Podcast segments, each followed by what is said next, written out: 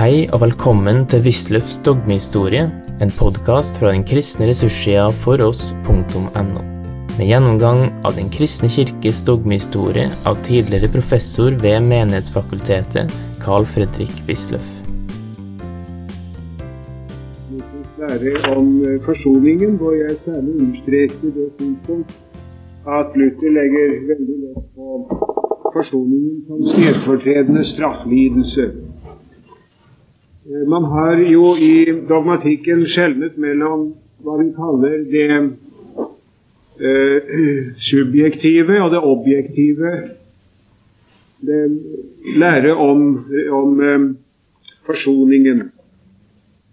Den objektive forsoningslære går ut på at forsoningen var nødvendig for Guds skyld. Gud kunne ikke tre i forbindelse med menneskene pga. deres synder uten at det var brakt forsoning. Den subjektive går ut på at det var vi som trengte forsoning. Gud var aldri vred. Det var tilstrekkelig at Gud demonstrerte for oss at han aldri hadde vært vred, og det gjorde han derved at han sendte sin sønn, som demonstrerte den guddommelige kjærlighet derved at han døde for sine fiender. Med andre ord, den objektive forsoningslære sier Gud. Gud var vred over synden. Derfor måtte en forsoning til. Den subjektive forsoningslære sier Gud var aldri vred. Det var vi som var redd Gud for vår dårlige samvittighets skyld. Det som trengtes, var bare at vi ble overbevist om at Gud faktisk aldri hadde vært vred. Som representanter for den, representant for den objektive forsoningslære nevner man jo især Anselm av Canterbury. Som representant for den subjektive forsoningslære nevner man Abelar. Disse to typer har vært eh, fremme gang på gang gjennom historien. Og Det er jo ingen tvil om hvor vi her må plassere Luther. Han legger sterk vekt på det synspunkt som vi finner så rikelig uttalt i Bibelen, at han ble såret for våre overtredelser. Straffen ble lagt på ham for at vi skulle ha fred. Eh, sangene om Herrens tjener hos Jesaja-boken er jo ofte sitert i Det nye testamentet og anvendt på Kristus. Dette gjør Luther for sin del rikelig bruk av. Eh, jeg vil nå nevne litt om en eh, diskusjon som var ganske mye fremme i 1930-årene. Og det er eh, noe som svenskene Gustav Aulén og Lindroth Eh, begynte med. Eh, det var Aulén som i 1930 eh, skrev en liten bok om forsoningsmotivene. Og Han skjelnet da på en ny måte mellom hva han kalte det latinske forsoningsmotiv og det klassiske forsoningsmotiv. Det latinske motiv det var karakterisert, mente han, ved et, eh, det ubrutne rettsskjemaet. Eh, eh, retten er selve forholdet mellom Gud og mennesker. Det er en rettsordning. Lovens krav må etterkommes, og det er grunnloven i forholdet mellom Gud og mennesker. Og ettersom menneskene ikke kunne gjøre rede for dette, så gjorde Kristus det som menneske. Kristus kva homo eh, trådte frem for oss og gjorde alt godt igjen. Det var altså en eh, brutt gudshandling og et ubrutt rettsskjema, sier Avlen og Lindroth efter ham om, eh, om det såkalte latinske motiv. Altså, retten er grunnlaget, loven er selve Eh, uttrykket for forholdet mellom Gud og mennesker, og den gudshandling som måtte, for, måtte skje for å gjenopprette det ødelagte forhold. Det var en brutt gudshandling. Eh, Gud sendte sin sønn, ja, men han sto liksom frem imot Gud. Det var vendt mot Gud. Det er en latinsk ordning, sa Avlen. Imot det hevdet han for sin del som det mer genuint kristelige, det såkalte klassiske forsoningsmotiv, eh, som han mente å finne hos de greske fedre især, og på nytt hos Martin Luther. Eh, dette Her må jeg for øvrig be dem føye inn noen få ord som er blitt borte, på side 119 punkt 5. Litt nedenfor midten av dette lille avsnitt står det dette gjør Kristus qua homo, derfor en brutt Guds handling. Punktum. Vil De føye inn der uh, foran uh, neste setning, som begynner med Kristus som Gud, føye inn der Vi setter bare en sånn en strek foran ordet Kristus, alminnelig eh, korrekturtegn, ikke sant? Og så ute i margen setter vi det tilsvarende tegn. Og så skriver de i margen annerledes i det klassiske forsoningsmotiv. Der er det slik at eh, Kristus kommer som Gud, i egenskap av Gud, og overvinner fordervelsesmaktene, dvs. Si synd og døden og djevelen og loven. Her er det et brutt rettsskjema og en ubrutt gudshandling, sier Avlen. Altså, det latinske det er et ubrutt rettsskjema og en brutt gudshandling. Får de tak i det? I det klassiske er det en, eh, et brutt rettsskjema og en ubrutt gudshandling.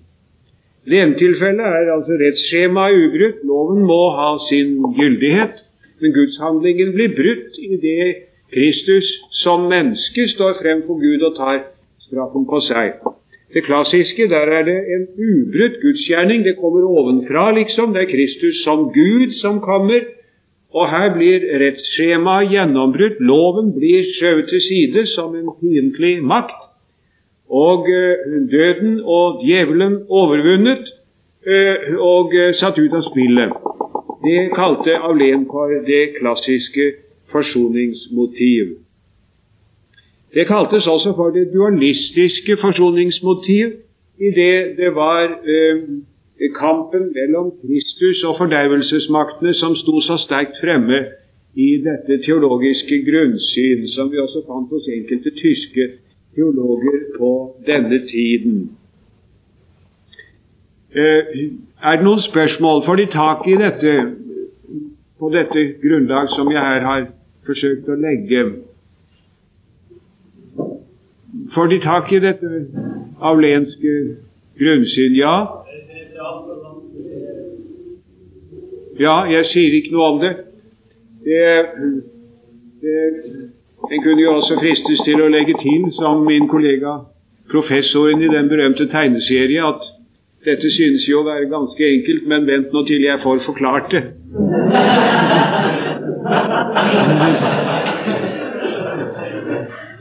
Det er, det, er, det er, faktisk ikke lett å få tak i, og det kommer av den har sin enkle grunn til syvende og sist i det at det er uklart, for det er galt. Det er ikke noe mer snakk om dette.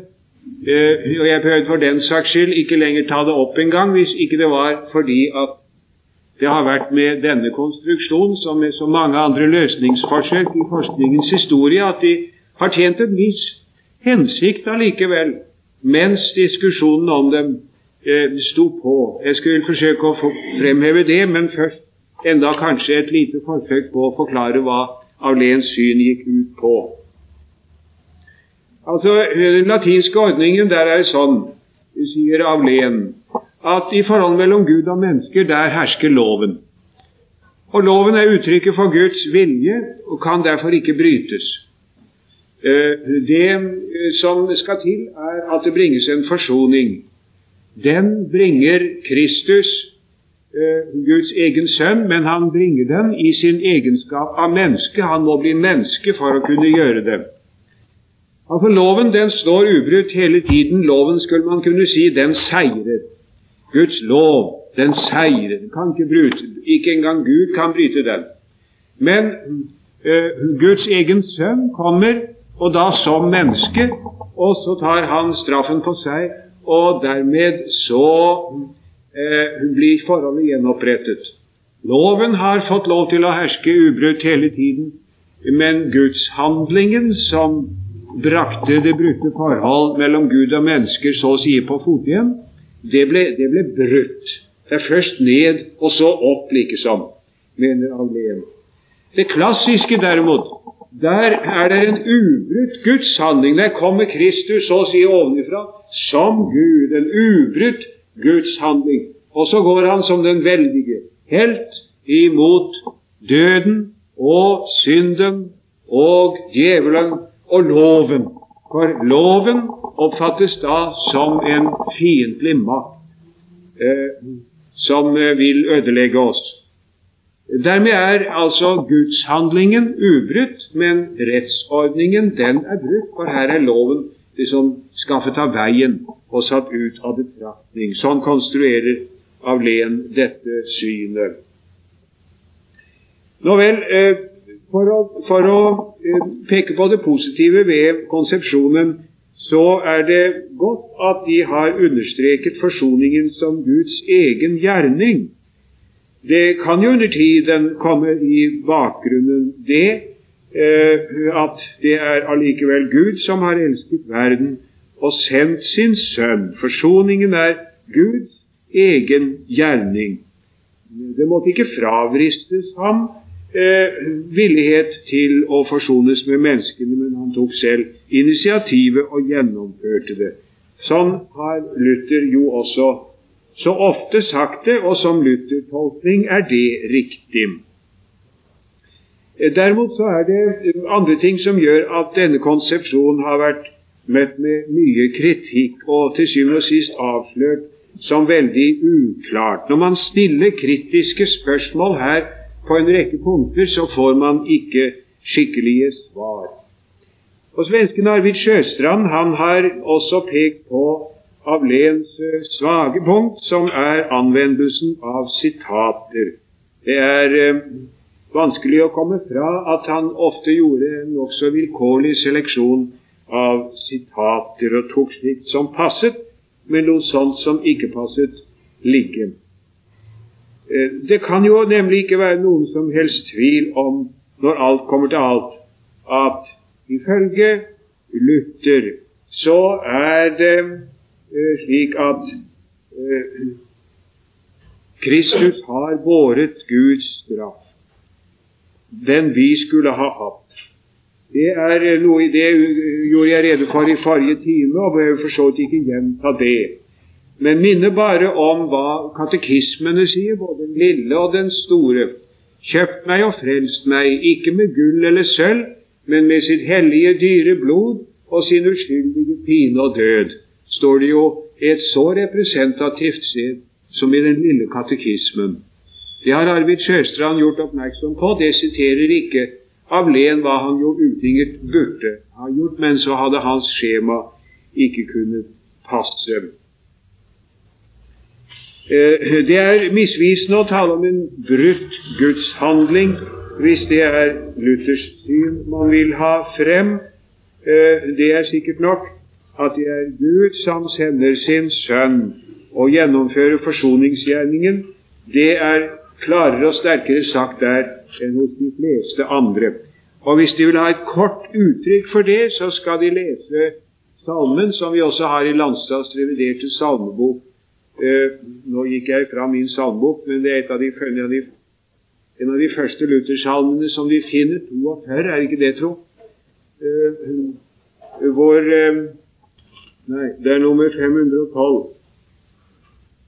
Jeg husker ikke jeg ferdig med nummer.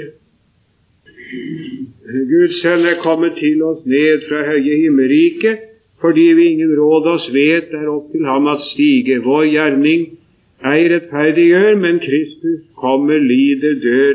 Han har oss, eh, har oss himmelen vunnet. Men eh, det Nei, jeg husket riktig. Det gjorde jeg. Det er nummer 42. Den egentlige salmen som jeg hadde tenkt på. Det er naturligvis eh, Nu, kjære menige kristenhet. Der heter det da talte Gud til sin kjære sønn, det er femte verset det. Nu er det tid at forbarme, så gå da, min hjertens krone skjønn, at frelse og fri den arme. Du lyse ham, løse ham ut av syndens nød, og knuse for ham den hårde død, og lade ham med deg leve. Gud send mot sin Fader lydig var, han kom hit til, jord, til meg på jorden, og født av en jomfru ren og klar, min broder arm er han vorden. Så lønnlig førte han her sin makt, led alskens nød, for det var hans akt å tage djevelen fangen. Mitt blod, det rinner på jorden ut, og livet, det må jeg miste. Det skjer til soning for deg hos Gud. Dette er Kristus som taler til oss. Derpå skal du tro og trøste. Uskyldig lider jeg her din dom, mitt liv dog kaster all døden om, og så er din frelse vunnet. Man, man, merker visse sånne kamp- og seier, anklanger.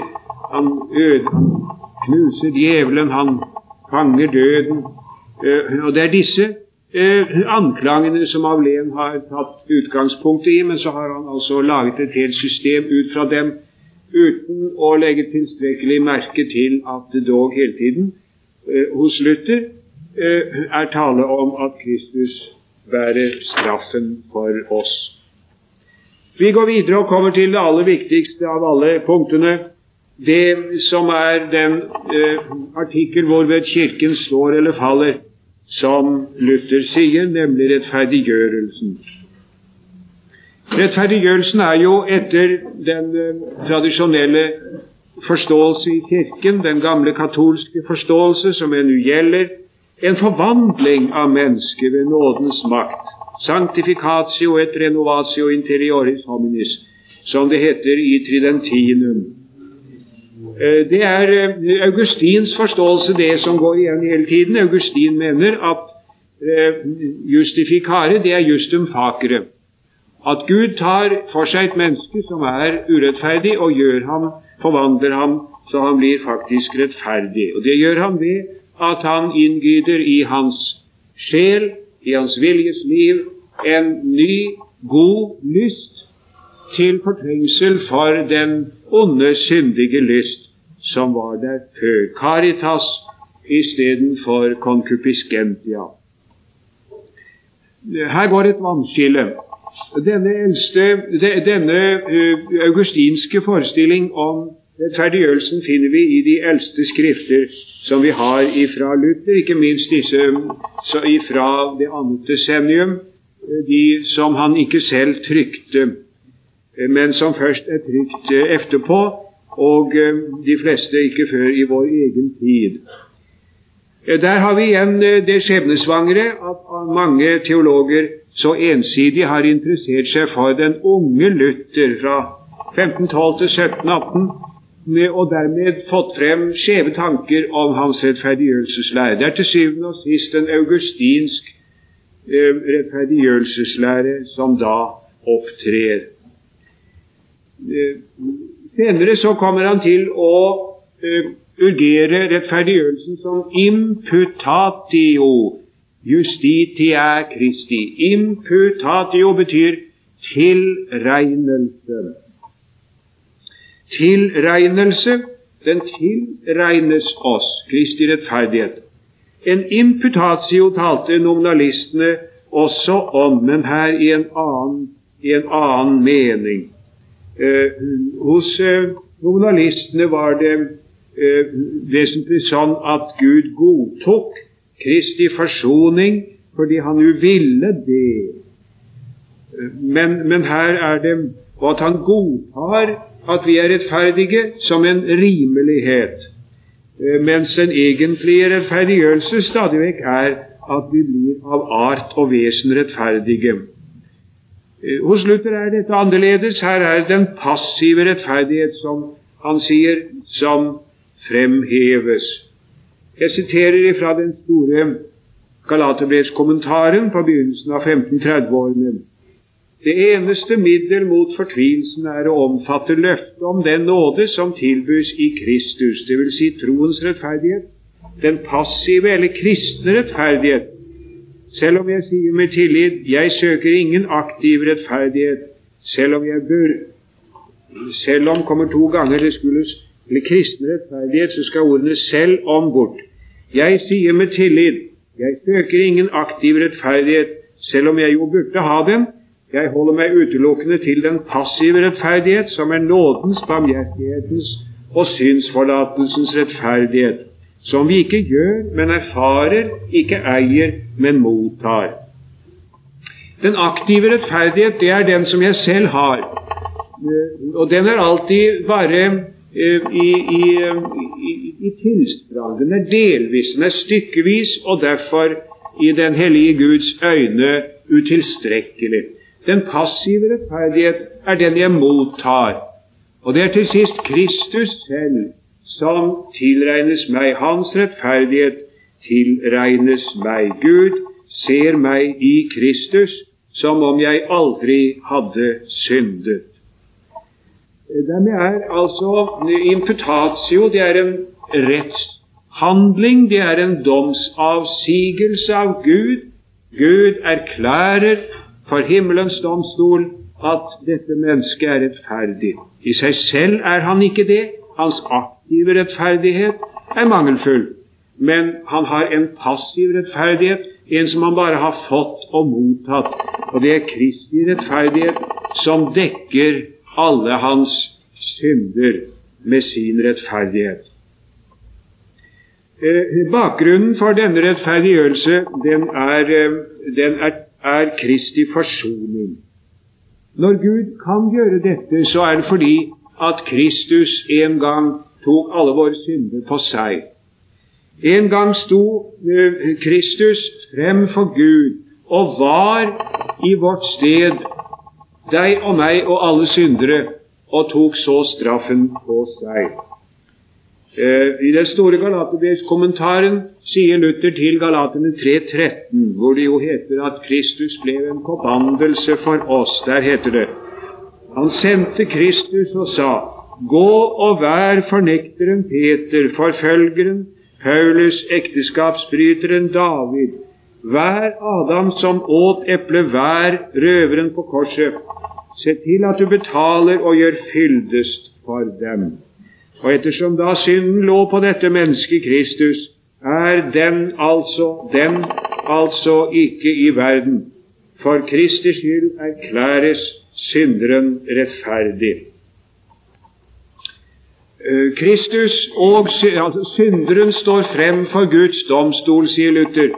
Da trer Kristus frem og står ved hans side. Synderen sier 'Jeg er Kristus'. Det er hans rettferdighet. Kristus sier 'Jeg er denne synder'. Det er hans urettferdighet. Det kaller Luther på latin for 'communicatio imputativa'. Den, den uh, tilregnede uh, kommunikasjon mellom to. Mine synder ble tilregnet ham. Hans rettferdighet blir tilregnet meg. Det første er forsoningen. Det andre er rettferdiggjørelsen. Hans synd, min synd ble tilregnet ham. Det er forsoningen. Hans rettferdighet blir tilregnet meg. Det er rettferdiggjørelsen. Så fins det altså to slags rettferdighet. Det er justitia aliena og justitia propria. Justitia propria, det betyr altså direkte oversatt en egen rettferdighet, dvs. Si min egen rettferdighet. Og justitia aliena betyr en fremmed rettferdighet. Det betyr igjen, saklig sett, Kristi rettferdighet. Det gjelder å holde disse to ut ifra hverandre i en troende bevissthet, og det er eh, kristenlivets øvelse. Det er selve hemmeligheten ved troslivet at jeg får lov til å skjelne mellom justitia propria, min rettferdighet, som er et tilsmusset kledebånd, og Kristi rettferdighet, som er eh, hellig, fullkommen, og derfor består for Gud. Eh, en må kunne skjelne mellom disse ting og vite at jeg er i meg selv fortapt, men jeg er i Kristus hellig, ren og rettferdig. Her må en kunne skjelne mellom lov og evangelium, sier Luther. Loven den kommer til meg og anklager meg og sier du er en synder. Da gjelder det at jeg ikke protesterer imot det og argumenterer med loven, for den er sterkere enn meg. Og djevelen kommer på samme måten og sier du er en synder, du passer ikke i himmelen. Han har rett, jeg kan ikke argumentere med ham, han er sterkere enn jeg, så meget mer som min samvittighet bevitner at han har rett. Hva gjør jeg så? Jeg ser hen til Kristus. Han er min rettferdighet. Og med et dristig bilde fra den middelalderlige såkalte brudemystikk, så sier Luther i den store Galaterbrevskommentaren at uh, Kristus er brudgommen, den enkelte kristne sjel er bruden. Uh, samvittigheten er brudekammeret. Der skal bruden og brudgommen være alene. Inn i eh, brudekammeret får loven ikke lov å komme. Ikke noe der å gjøre. Guds lov som sier du skal, og du må, du skal ikke, du må ikke. Og Guds lov som også sier da du er en synder, du er fortapt, har ingenting i brudekammeret å gjøre. Den dundrer på døren, sier, sier Luther, og vil inn, men han skal holdes ute. Han har ingenting der å gjøre. Derimot skal loven eh, ha adresse ikke til min samvittighet, altså til mine tanker om mitt gudsforhold. Der skal Kristus alene være. Men loven skal ha adresse til mine gjerninger, til mine hender og mine føtter, og diktere meg for hver dag mine plikter, hva jeg har å gjøre. Men det ulykkelige, sier han videre, er at det så ofte går akkurat motsatt. Inni samvittigheten, hvor jeg skulle være glad og frimodig i den tanke at jeg er hellig og ren for Gud for Kristi skyld alene, der inne hersker alle slags forbehold og all slags nød og anklage fordi jeg har sluppet loven inn, og så vet jeg knapt om jeg er en kristen eller ikke. Men i mine lemmer, i min daglige tjeneste og i mitt arbeid, min omgjengelse med medmennesker, der tillater jeg meg allehånde friheter, for jeg er jo under evangeliet, sier jeg da. Og så kan det ikke bli noen slags frimodighet, og så kan det ikke bli noe kraft i kristenlivet. Dette utvikler Luther aldeles merkverdig i den store Galaterbrevskommentaren. Prøv om de kan få tak i den. Det fantes i hvert fall en svensk utgave. Gjør det, tro? Har du kjøpt? Da fins det altså en svensk utgave av den store Galaterbrevskommentaren, og det betaler seg mangfoldig, ikke minst for ens forkynnelse og for ens eget kristenliv, vil jeg få lov å legge til, om man tar seg den møye, for det koster arbeid å lese den svære Galaterbrevskommentaren til, til Luther. Det er ikke moderne eksegese, det er det visst og sant ikke, men det er i ethvert fall uh, kristelig sjelesorg av uh, ganske usedvanlig karakter. Så sterkt jeg kan vil jeg råde at vi forsøker å få tak i den og leser den. Når da djevelen anklager, så viser jeg så sier jeg, ta det med ro, djevel, forsøk å ta det med ro, og ras ikke så. Du har utvilsomt rett når du anklager meg, men jeg kjenner en mann som heter Kristus. Han har tatt straffen på seg i mitt sted, og han er for deg, djevel, en virkelig djevel. Det hørte jeg en gang Berggrav sitere på en reformasjonsfest i 1937 i selve Støvland i sin tale på, reformasjonsfesten. Og siterte han dette stedet fra Galaterbrevskommentaren. Han er for deg djevel, en virkelig djevel. Eh, det var stor jubel i den store festsalen, i universitetets nye festsal, over dette sitatet. Nå eh, sier Luther videre her in ipsa fide Christus ad est. Altså, tro, altså, I selve troen er Kristus selv til stede. Når jeg tror på ham, så kommer han, og så er han selv til stede der. Det er altså ikke et sett med sannheter som jeg tror. Kristi rettferdighet er, om jeg så kan si, ikke en sak. Det, det er han selv som kommer. Og Derfor så kan den tanken om den passive rettferdighet imputasjonen, tilregnelsen av Kristi rettferdighet, hos Luther ikke skilles fra det nye kristne liv. Vi skal senere se hvordan Melanchthon i grunnen eh, taler mer begrepsmessig om det der. Pedagogisk sett voldsomt klart og, og greit, og, og en må vel også kunne si riktig, men han klarer ikke sånn som Luther å preke sånn at man ser inn ipsa fide Kristus ad est. Eh, I og med at jeg tror Kristus, og dermed har mine synders forlatelse og en fullstendig, eh, en fullstendig rettferdighet for Gud, så er Kristus selv der. Derfor heter det da hos Luther i innledningen eller fortalen til romerbrevet at troen er en levende, virksom ting som uavlatelig må gjøre gode gjerninger. Det er, det er Luthers syn.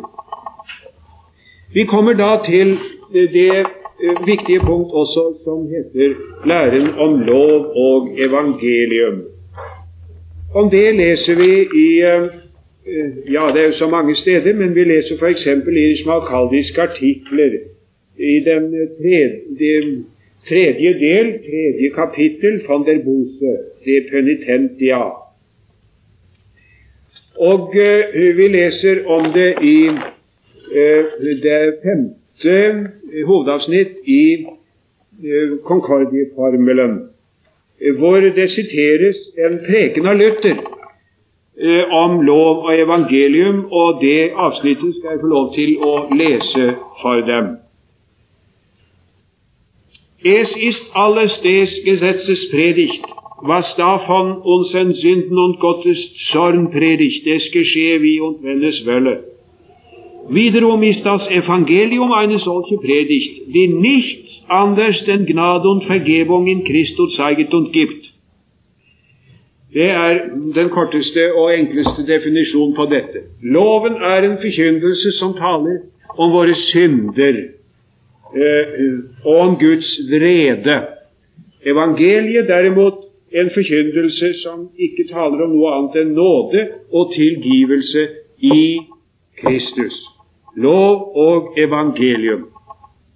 Loven uh, taler hele tiden om meg, peker på meg og sier du skal, du må, uh, du skal ikke, du må ikke.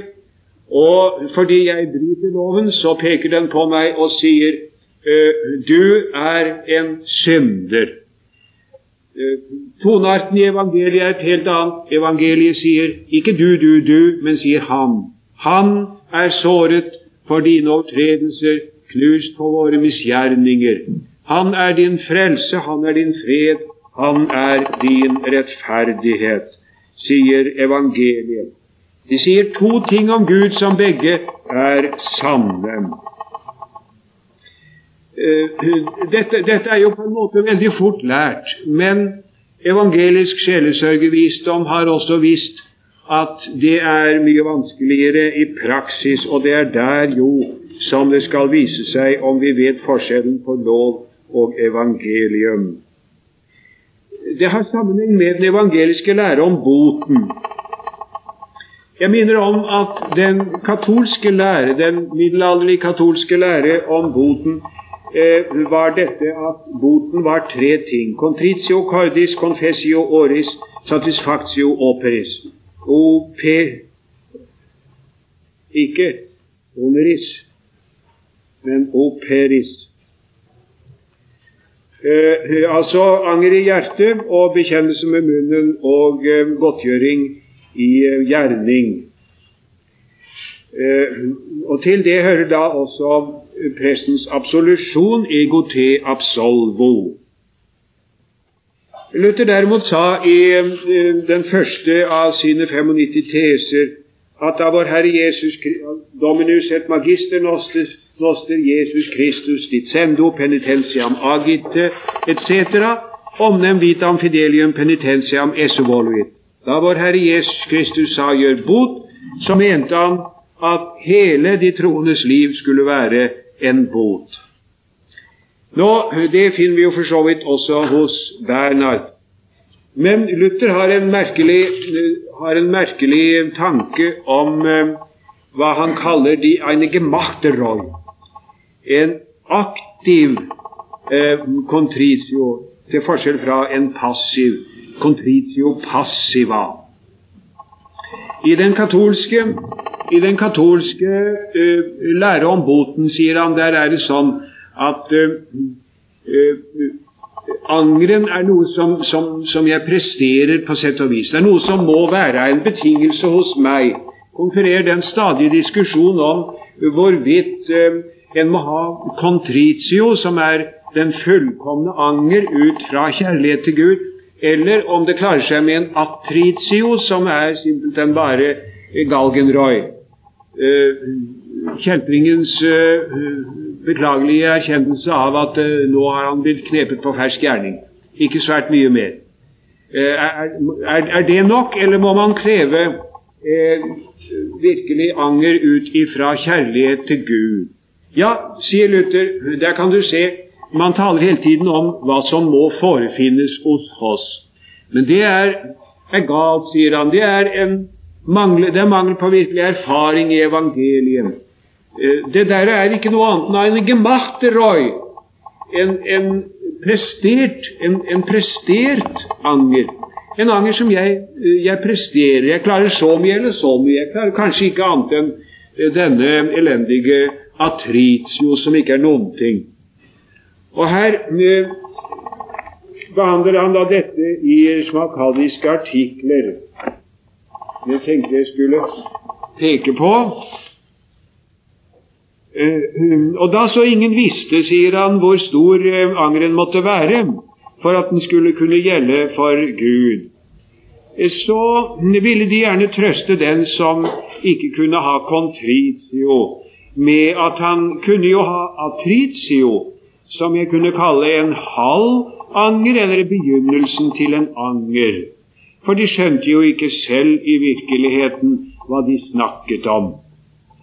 Og dersom det så hendte at en sa nei, jeg kan ikke angre eller være lei for min synd, hvilket jo saktens kunne eh, skje in der horenlibe og det rakkir etc., så spurte de om han da ikke gjerne ville ha en slik anger. Eh, og hvis han da svarte ja, og hvem skulle svare nei her hvis ikke det var djevelen selv, så nøyde de seg med denne anger og tilgav ham hans synder på denne gode gjerning. Eh, de ser, Her er det altså to helt forskjellige tanker om hva anger er. Anger, sier Luther, nei, det er noe helt annet. Det Det er passiva contritio. Anger er forferdelsen over å stå for Gud. Gud kommer og rører ved min samvittighet med sin hellige lov, slår meg til jorden og viser jeg er fortapt. Det er ikke noe jeg gjør her, men det er Guds eget ord som, som slår meg helt ned og overbeviser meg om min synd og elendighet og fortapte tilstand. Det fins ikke noe fnugg av ikke minste fnugg av fortjenstlighet i denne anger. Du kommer ingen vei for Gud med denne anger. Det er ikke noe å komme med i det hele tatt. Den er bare en overbevisning som er blitt til ved at Gud har slått meg ned og knust meg og vist meg at jeg er fortapt.